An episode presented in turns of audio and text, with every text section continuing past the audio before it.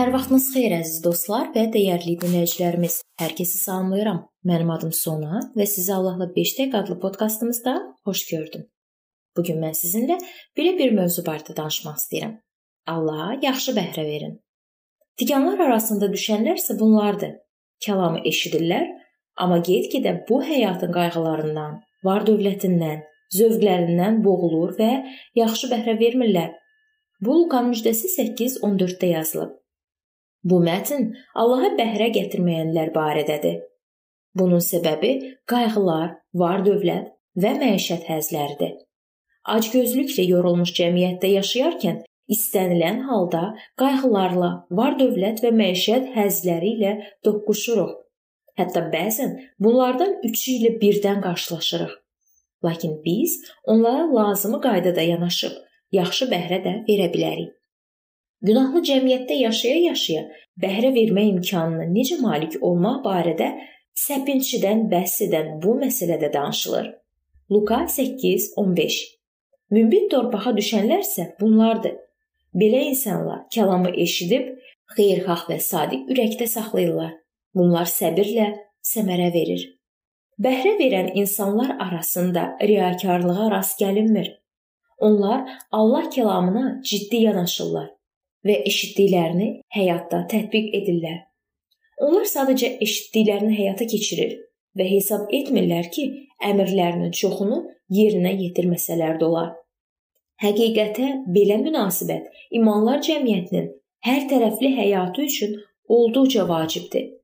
Çoxlarının tapa bilmədiyi səmalara gedən yol məhz itayətdir.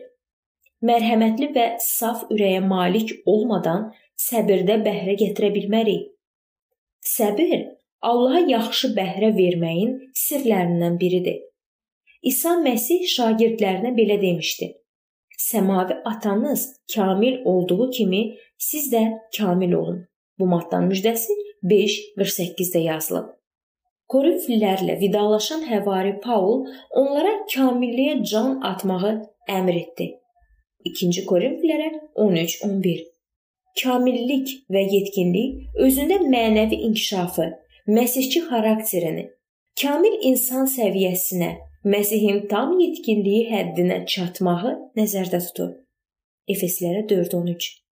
İmanlar cəmiyyətində imanların mənəvi inkişafı üzrə işləri müqəddəs ruh həyata keçirir.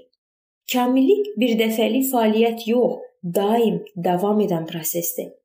Biz dərhal kamillik zirvəsinə ucala bilmərik, amma biz buna can atırıq. Sevgi kamillik toplusudur və biz Allaha, onun həqiqətinə sevgidə inkişaf edirik. Allahla gəzdikcə o bizim üçün daha da qiymətli olur. Allaha olan sevgimiz böyüdükcə qonşumuza olan sevgimiz də böyüyür. Allaha olan sevgimizdə inkişaf etməsək, qayğılarla, var-dövlətlə, məişət həzləri və özünə vurğunluqla zəngin olan bir yola düşəcəyi. Müqəddəs kitabda bəhrə haqqında çox danışılır. Bəhrə nədir? Bəhrə bizim görə bilmədiyimiz bir şeydir və o yetişdiyi ağac haqqında çox şey danışa bilər. Vəftizçi Yəhya bir dəfə yəhudilərə belə bir söz demişdi. Elə bir bəhrə gətirin ki, əməllərinizə görə həqiqətən tövbə etdiyinizi göstərsin. İsa bizə quzu cildində olan, amma həyatlarının bəhrəsinin daxillərini açıb tökən yalançı peyğəmbərlər barədə xəbərdarlıq etmişdi. Bu Mattan müjdəsində 7-ci fəsil 15-ci ayədən 20-ci ayəyə qədər oxuya bilərsiniz. Zəbur 1-də axar sular kənarında əkilən, barını mövsümündə verən ağac barədə danışılır. Bu elə Allahın qanununda məmnun olan insan proobrazıdır. Yəhya 15:1-17-də İsa bəhrə barədə danışır. Daha çox bəhrə gətirməyə çağırır. Nitqinin ortasında o belə deyir: "Mənsiz heç nə edə bilməzsiniz." Həmin mətndə belə sözlər rast gəlirik. Kamil sevinc, məhəbbət, budamaq, qalmaq.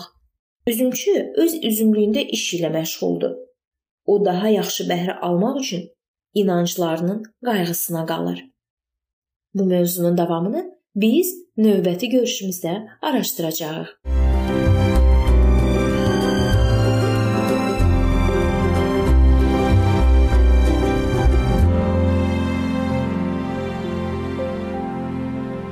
Beləliklə əziz dostlar, bu yerdə bu mövzu sona çatdı. Hər zaman olduğu kimi sizi dəvət edirəm ki, bizim podkastlarımızı Facebook səhifəmizdən və YouTube kanalımızdan dinləməyə davam edəsiniz.